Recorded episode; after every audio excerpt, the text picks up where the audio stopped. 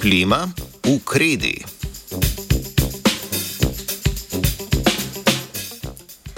Skupina raziskovalk in raziskovalcev iz Združenega kraljestva je v jesenski izdaji revije The Depositional Record objavila raziskavo o plimovanju v preteklih geoloških obdobjih. Ta vsakodnevni morski pojav nam lahko veliko pove o vzorcih kroženja oceanov, do sedaj pa so za proučevanje njegove zgodovine uporabljali zgolj simulacije numeričnih modelov.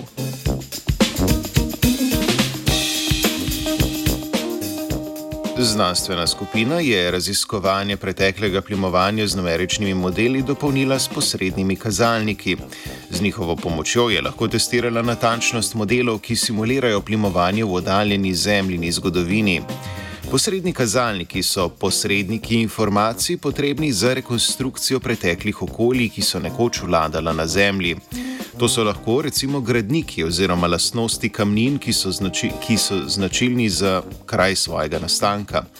V raziskavi so za posredni kazalnik uporabili sedimentne plasti, ki zaradi svoje posebne oblike in usmerjenosti kažejo, da je sedimentna kamnina nastajala recimo v srednjem plimskem okolju.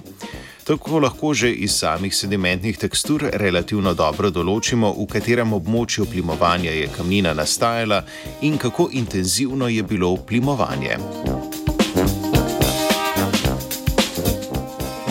Sedimentne teksture lahko prikazujejo višino preteklega plimovanja po večini samo v najbolj dinamičnem srednjem plimskem pasu. Najnižji plimski pas, ki je tudi najmirnejši, pri tem ostane spregledan. Zato je raziskovalna skupina proučila še en posredni kazalnik - črne tankoplastnate skrilavce.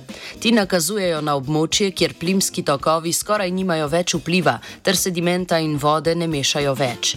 Informacije o obeh posrednih kazalnikih je raziskovalna delovna skupina pridobila iz že obstoječe literature za dotične lokacije iz treh preteklih geoloških obdobij, ki se raztezajo od 400 do 95 milijonov let.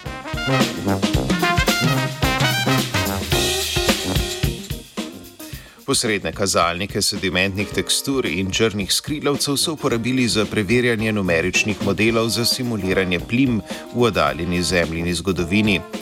Njihova natančnost je namreč težko določljiva. Ugotovili so, da posredni kazalniki dobro sovpadajo z rezultati simulacije in da je model relativno natančen. Dve tretjini rezultatov, pridobljenih iz posrednih kazalnikov sedimentnih tekstur, se je ujemalo s preučevanjem modelom. Pokazali so, da je v literaturi na voljo veliko posrednih kazalnikov za določanje preteklega plimovanja, ter da je njihovo zbiranje in primerjanje vredno truda, saj lahko z njimi ugotavljamo natančnost simulacij modelov plimovanja v preteklih geoloških obdobjih. O plimi v Juri danes razmišlja Lea. Three.